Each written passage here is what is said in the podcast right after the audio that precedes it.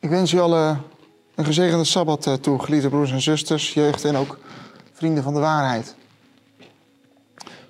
Vanmorgen willen we lezen uit Matthäus 26. En het thema wat ik met jullie vanmorgen wil bespreken is: wat is Jezus je waard? Een belangrijke vraag voor onszelf, die ik wil stellen naar aanleiding dus van Matthäus hoofdstuk 26 daarvan de versen 1 tot 16, waarvan de kern in feite de versen 8 tot en met vers 10 is. En toen Jezus al deze woorden geëindigd had, gebeurde het dat hij tegen zijn discipelen zei: U weet dat over twee dagen het Pascha is. En dan zal de zoon des mensen overgeleverd worden om gekruisigd te worden. Toen kwamen de overpriesters en de schriftgeleerden en de oudsten van het volk bijeen in het paleis van de hoge priester, die Caiaphas heette. En ze overlegden met elkaar om Jezus met list te grijpen en te doden. Ze zeiden echter, niet tijdens het feest, opdat er geen opschudding onder het volk komt. Toen Jezus in Betanië was, in het huis van Simon de Melaatse, kwam er een vrouw naar hem toe die een albastenfles met zeer kostbare zalf had. En ze goot die uit op zijn hoofd terwijl hij aanlag. Toen zijn discipelen zagen, waren zij verontwaardigd en zeiden: Waartoe deze verkwisting? Deze zalf had immers duur verkocht kunnen worden en de opbrengst aan de armen gegeven. Maar Jezus, die dat merkte, zei tegen hen: Waarom valt u deze vrouw lastig? Want zij heeft een goed werk aan mij verricht. De armen hebt u immers altijd bij u, maar mij hebt u niet altijd. Want toen zij deze zalf op mijn lichaam goot, deed zij dat als voorbereiding op mijn begrafenis. Voorwaar ik zeg u, Overal waar dit evangelie gepredikt zal worden in heel de wereld, zal ook tot haar gedachtenis gesproken worden over wat zij gedaan heeft. Toen ging een van de twaalf, die Judas Iscariot heette, naar de overpriesters en zei: Wat wilt u mij geven als ik hem aan u overlever? En zij kenden hem dertig zilverstukken toe. En van toen af zocht hij een geschikte gelegenheid om hem over te leveren. In deze Bijbelversie die we net gelezen hebben, komt in de eerste plaats naar voren dat Maria overvloedig geeft. Een probleem wordt pas een echt serieus probleem als dat in een geldbedrag wordt uitgedrukt. En dat gevoel kan je ook wel eens bekruipen als je naar het nieuws kijkt. Al jaren terug kwam er eens op een persconferentie in Den Haag naar voren dat ruim 2 miljoen Nederlanders lijden aan chronische pijnen. En dan wordt er meteen bij gezegd op die persconferentie... dat kost de samenleving ons allen 20 miljard euro. Dan vraag ik me af, alsof het feit dat 2 miljoen mensen pijn hebben... niet al een probleem aan zich is. Wat zeggen al die euro's? Al kost het de samenleving niets... of al levert het de samenleving 20 miljard euro op... de pijn is pijn. En daarom al een reden om te zoeken naar oplossingen voor de mensen die aan dat soort pijnen lijden. En op dat moment dat overal een prijskaartje eraan wordt gehangen, dan moeten we alle wantrouwig worden. Want de vraag is, bepaalt het prijskaartje of iets een groot probleem is, ja of nee? En het antwoord is natuurlijk niet. En we zien dus ook hier in de Bijbel dat het de valkuil is waar de discipelen van Jezus ook intrapten. Als ze samen met Jezus in Betanië zijn, in het huis van Simon de Melaatse. Met deze bijnaam wordt hij in de Bijbel onderscheiden van de discipelen Simon Petrus en ook Simon de Zeeloot, Simon de IJveraar.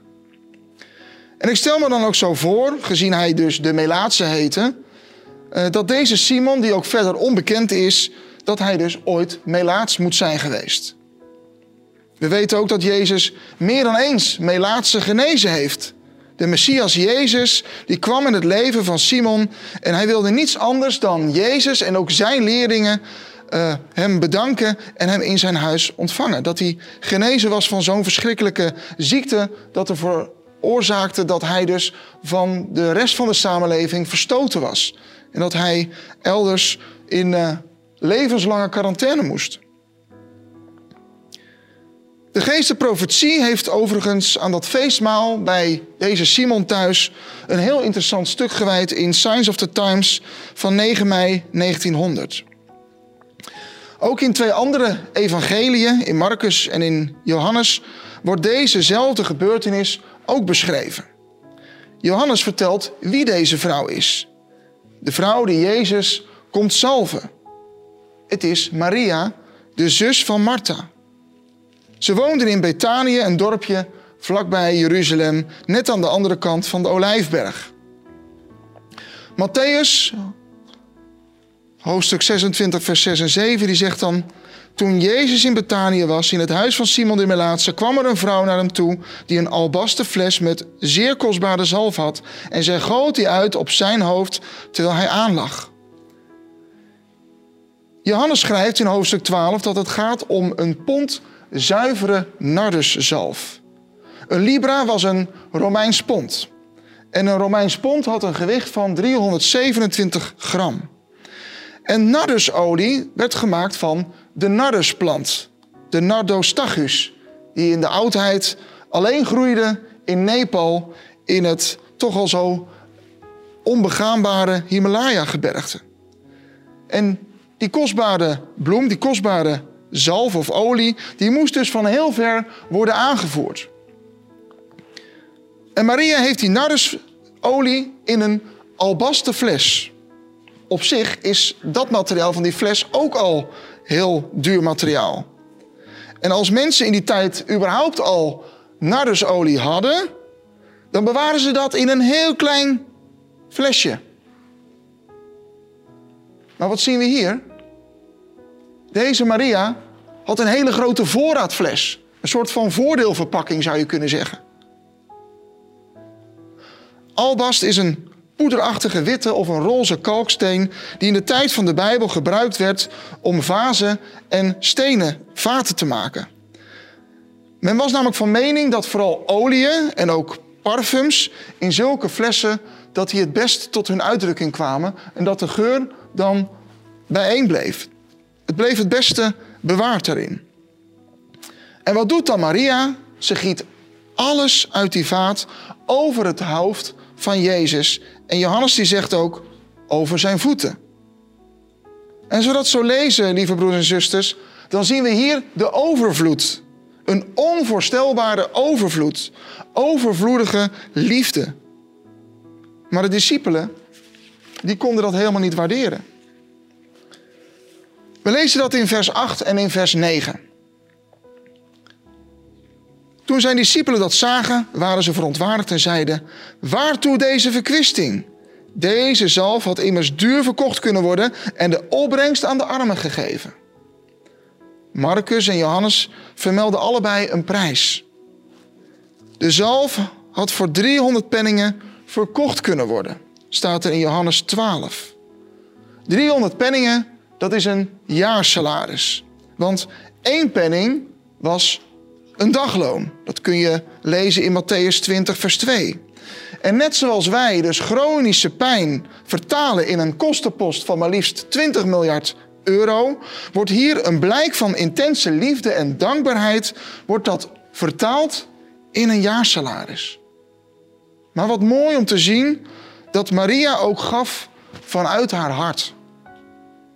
En de vraag voor ons is: wat zouden wij gedaan hebben? Wat zouden wij gedaan hebben als wij daarbij hadden geweest? Zouden wij ook meegedaan hebben met de discipelen?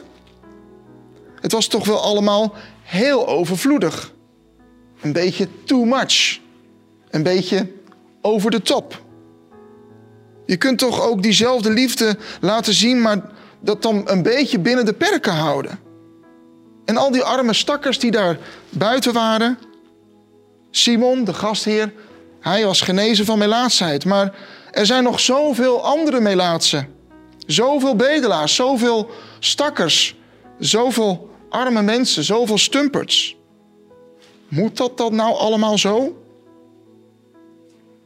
Dit is een bekende discussie die ook gevoerd kan worden binnen de gemeente. Wat mag een kerkgebouw allemaal kosten? En als we een kerkgebouw hebben, zoals hier, Elkom, Wat wil je dan uitgeven als wordt voorgesteld om bijvoorbeeld de keuken te gaan vernieuwen? Of de toiletten of de kerkzaal zelf? Dan komt altijd wel weer een keer die discussie op: kan dat wel? Hoeveel geld wil je ervoor uitgeven? Hoeveel kunnen we ervoor uitgeven? En kan het ook wat af met wat minder geld? Natuurlijk, het is een hele reële discussie. Maar je moet je ook afvragen: zou je dezelfde afweging hebben gemaakt als je je eigen badkamer zou aanpakken, thuis? Denk je dan ook drie keer na of het wel verantwoord is, dat het niet allemaal te veel luxe is en je misschien niet met wat minder toe kan en dat je dan van het geld wat je daarvan overhoudt en uitspaart, dat je daar een flinke gift van geeft aan Gods gemeente? Wat dat betreft, lieve broers en zusters, moeten we ook zelf eerlijk en oprecht in de spiegel proberen te kijken. Het huis van God waar we in samenkomen zou er mooier uit moeten zien dan ons eigen huis. En vroeger was dat ook overduidelijk. Veel mensen hadden een klein huisje, maar er werden hele grote kerken werden gebouwd. De vraag is, was dat goed of niet? Want laten we eerlijk zijn, we weten ook dat er in de kerkgeschiedenis ook heel veel fouten zijn gemaakt. En dat er soms veel meer geld naar die armen hadden gemogen in plaats van de pracht en praal van de kerken waar we ons soms nog steeds aan kunnen vergapen. Stel je voor dat mensen alle eeuwen door gezegd hadden: Nou ja, zo'n kerkgebouw, het maakt toch niet uit waar je zit, al is het in een, in een schuur of een garage. In de geschiedenis waren er vaak ook heel slechte motieven bij. Steden die met elkaar wilden concurreren wie de mooiste kerk had, met de hoogste toren, noem maar op. En dat is natuurlijk heel menselijk. En toch, toch wilden de mensen ook een huis voor God, de Here, bouwen. En dat huis moest dan ook mooi zijn en groots en heilig en ook niet in de laatste plaats overvloedig. En de vraag is voor onszelf, hoe laten wij onze dankbaarheid en liefde voor Jezus zien? Maria laat iets zien van die uitbundige liefde die zij voelde voor Jezus. Overvloedig en ook overvloeiend. En dat is wel iets wat ons zou moeten raken. Even niet al die rekensommetjes, wat je ook allemaal met dat geld wat ze had uitgegeven had kunnen doen. Maar gewoon een cadeau dat recht uit haar hart kwam. En wat mooi als ook wij dat als christenen steeds meer zouden leren de liefde voor Jezus tot uiting brengen. De liefde voor God naar buiten brengen, recht vanuit ons hart. Zo'n liefde gaat verder dan alle mitsen en maren.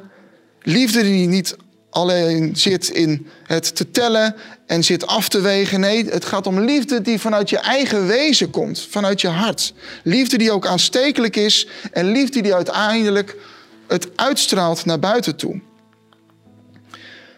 Zuster White zegt in Christ Triumphant, bladzijde 252...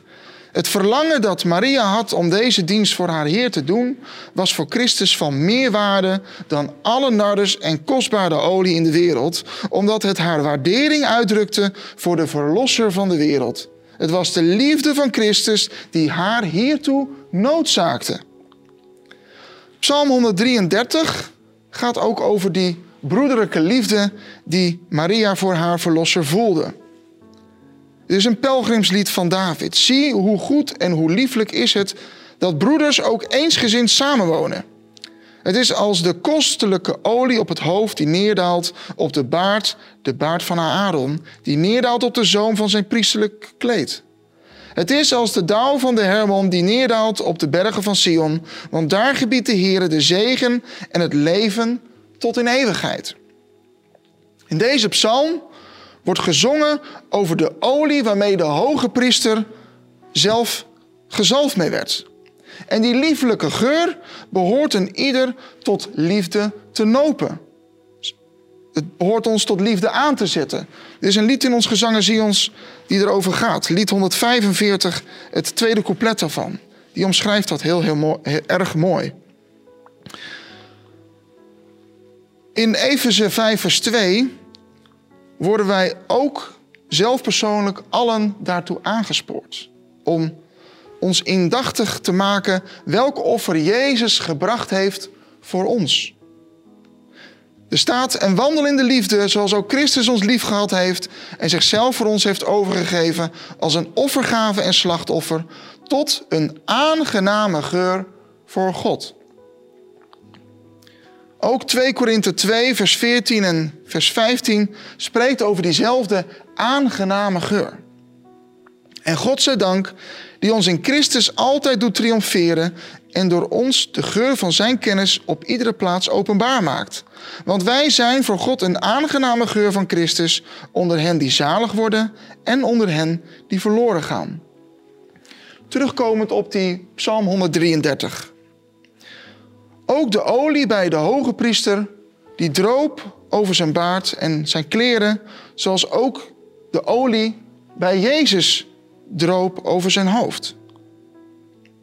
Het ging over zijn baard, het ging over zijn kleren heen. En Jezus is hier echt de Messias, want dat betekent ook gezalfde, Mashiach. In het Grieks is dat Christos. Gezalfde. Jezus is hier de gezalfde. Hij is de hoge priester. En zo gaat hij zijn lijden en sterven tegemoet. Want dat is wat hij ook zegt. Jezus die verdedigde ook Maria. Voor de tweede keer zelfs. Voor de tweede keer neemt Jezus het op voor Maria.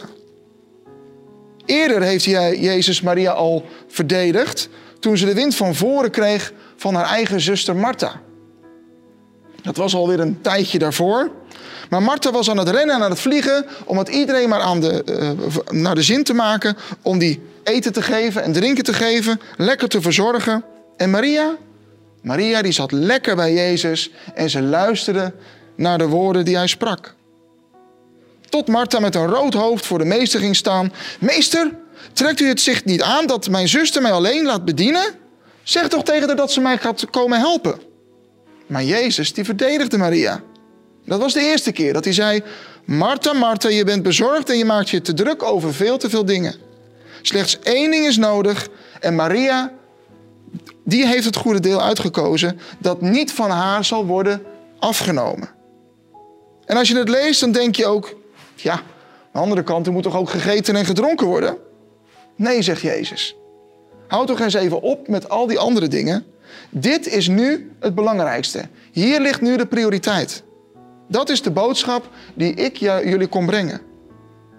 En hier, bij deze tweede keer, is het weer zo. Iedereen valt maar over Maria heen wat ze daar gedaan had. Maria, wat ben je toch onpraktisch bezig? Kon het niet met wat minder toe? Daar gaat je hele kapitaal. In één keer weg, voetzie. Maar dan klinkt de stem van Jezus en hij verdedigt Maria opnieuw, voor de tweede keer. Matthäus 26, vers 10 tot 12 beschrijft: Waarom valt u deze vrouw lastig? Want ze heeft een goed werk aan mij verricht. De armen hebt u immers altijd bij u, maar mij hebt u niet altijd. Want toen zij deze zalf op mijn lichaam goot, deed zij dat als voorbereiding op mijn begrafenis. Natuurlijk, Jezus verliest niet de armen uit het oog. Nooit. Dat, dat deed hij toen niet en dat doet hij ook nu niet. Maar hij begrijpt ook de bedoeling die Maria had. Deze nardusolie die zou normaal gesproken gebruikt worden om een overledene te zalven. Dat werd gedaan om de nare geur die daarna zou ontstaan, zeker in warmere landen, om dat te overstemmen. Maar Maria heeft het op haar hart gekregen om Jezus nu al te zalven.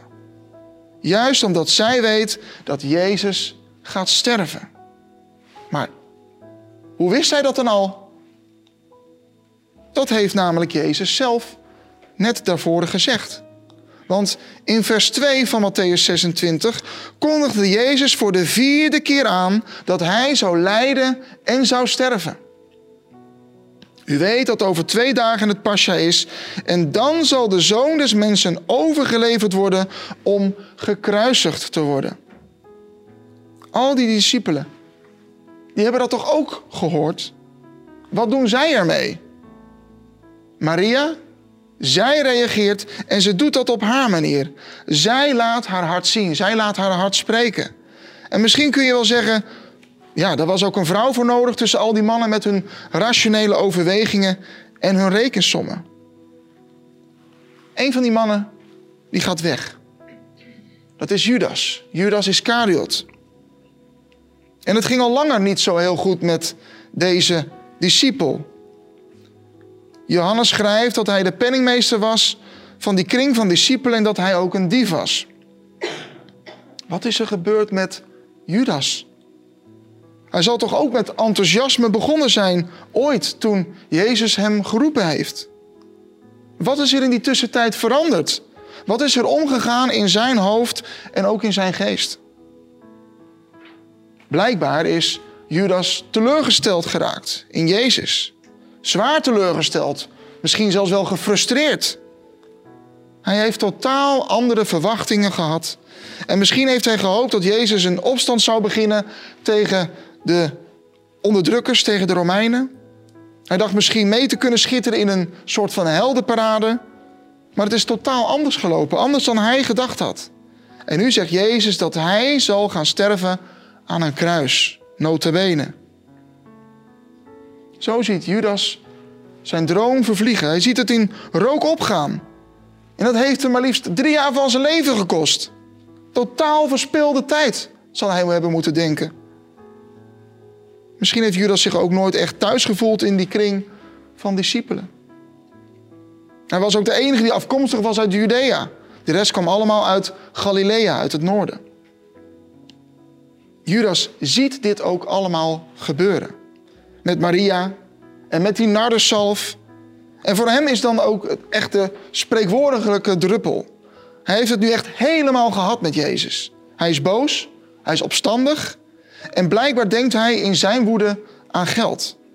Misschien kan ik er toch nog wat aan verdienen aan het eind van deze drie voor hem waardeloze jaren. Hij gaat naar de overpriesters en hij verkoopt Jezus voor 30 zilverstukken, voor 30 zilveren penningen. Welke munt hier dan op deze plaats bedoeld wordt, dat is niet helemaal duidelijk. Misschien ook wel zo'n penning, zo'n dagloon. Maar het kan ook heel goed gaan om tetradrachmen. En in dat geval is de waarde van Jezus 120 penningen.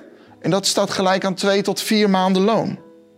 Dus iets meer dan een derde van wat Maria uitgegeven had om Jezus haar broederlijke liefde te bewijzen. 30 zilveren penningen. In Exodus 21, vers 32 kunnen we lezen dat dat de prijs was van een slaaf. Als een rund of een slaaf of een slavin door een stoot een dodelijke wond was toegebracht, dan moest dat rund in de eerste plaats worden gestenigd. En de eigenaar van die rund moest de meeste van die slaaf dan 30 zilverstukken, 30 sikkels zilver betalen. En diezelfde prijs, die wordt ook genoemd in Zacharia hoofdstuk 11, vers 12 en 13. Daar klaagt de Heere God dat zijn volk hem wil verkopen. De kudde wil de eigen herder verkopen. De goede herder. En wat zegt die goede herder dan? Toen hebben zij mijn loon afgewogen. 30 zilverstukken. Maar de Heer zei tegen mij: werp dat de pottenbakker toe. Een mooie prijs waarop ik door hen geschat ben. Voor God, de schepper van het universum, is deze prijs een grove belediging. Het is een klap in zijn gezicht. En natuurlijk weten de overpriesters ook heel goed wat er staat in Exodus 21 en wat er geschreven stond hier in Zacharia 11. En op deze manier wilden zij Jezus nog bespottelijker maken. Jezus doet of hij God is? Nou, we zullen de prijs betalen die voor God een grievende belediging is. De prijs van een slaaf. Er zijn nog vele mensen om ons heen die Jezus nog niet hebben aangenomen. Sommigen zijn er ook heel resoluut in. Maar er zijn er ook die nog twijfelen tussen twee werelden. De brede of de smalle weg. En tot die mensen zou ik willen zeggen: wat is jouw prijs? Wat is jouw prijs om Jezus los te laten uit jouw leven? Wat is de prijs die jij krijgt als je Jezus wegdoet uit jouw persoonlijke leven? Wat is Jezus jou waard? 30 zilverstukken. Judas heeft er geen plezier aan beleefd.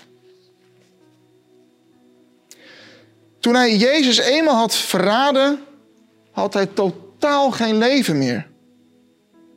Hij smeet die dertig munten bij de overpriesters naar binnen en hij werd verteerd door spijt en vroeging. Hij kon het leven niet meer aan en hij trok eruit de ultieme consequentie. En de trieste conclusie is dan, als je Jezus verkoopt, dan heb je geen toekomst. En vergelijk dat nu eens met de toekomst van Maria van Betanië. Jezus heeft haar een belofte gegeven in Matthäus 26, vers 13.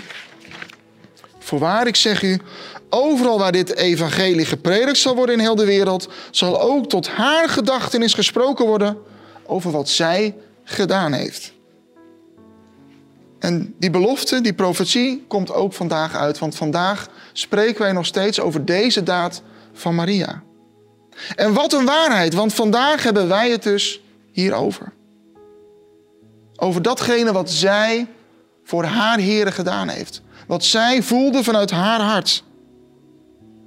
En wat een schrijnend verschil, mijn geliefde broeders en zusters. Maria geeft een vermogen uit om Jezus haar liefde te tonen. 300 penningen, een jaarsalaris. Aan de andere kant zien we Judas. Hij verkoopt zijn meester voor 30 zilverstukken. En wie bevinden zich daar tussenin? De discipelen. Jezus verkopen, dat doen ze niet. Maar aan de andere kant zo'n kapitaal uitgeven voor hem, dat vonden ze ook maar weer belachelijk en onverantwoord.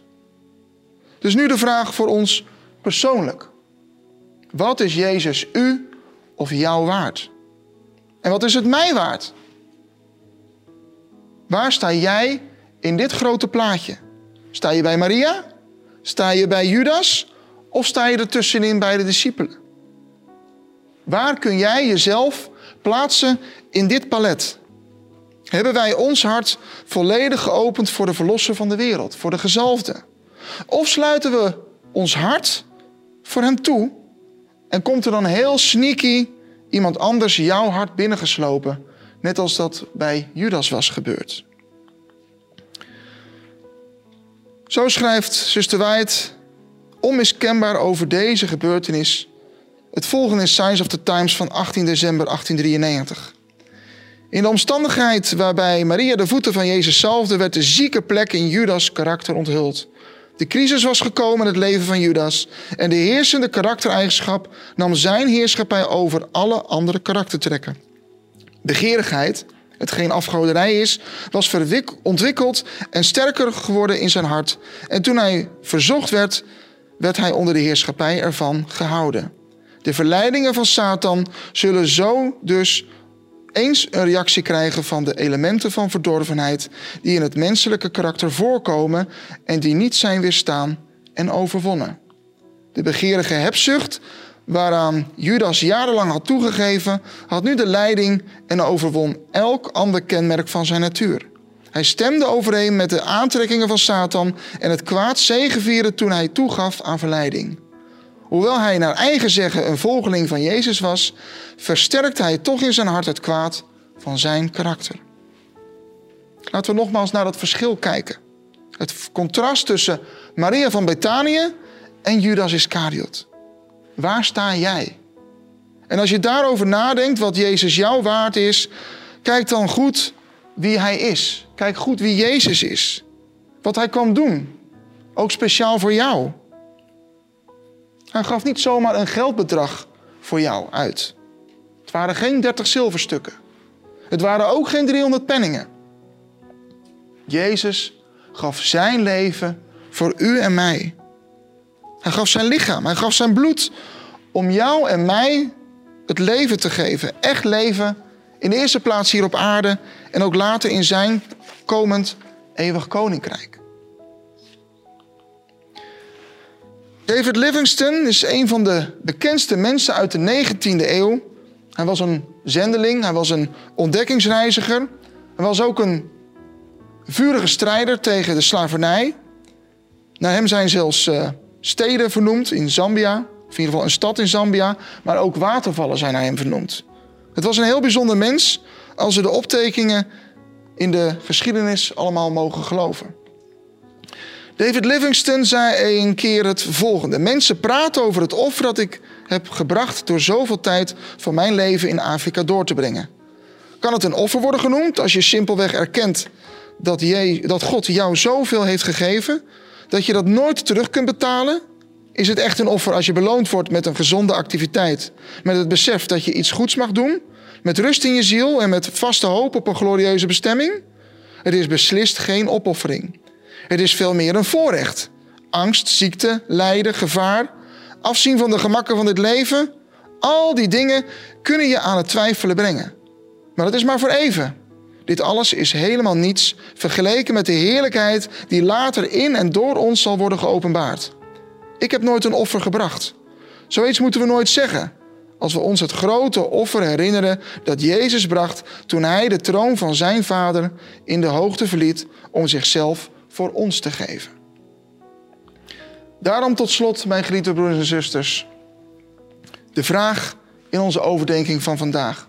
Wat is Jezus u, jou en mij waard? Geef jezelf volledig, volkomen aan Hem over en laat het ook je hart spreken. Laten al onze kleine offergaves die uitgedrukt worden in welke vorm dan ook, dat zij toch een lieflijke geur teweeg mogen brengen voor onze hemelse Vader en ook voor zijn enige geboren Zoon, onze Verlosser Jezus Christus, is mijn wens en gebed. Amen.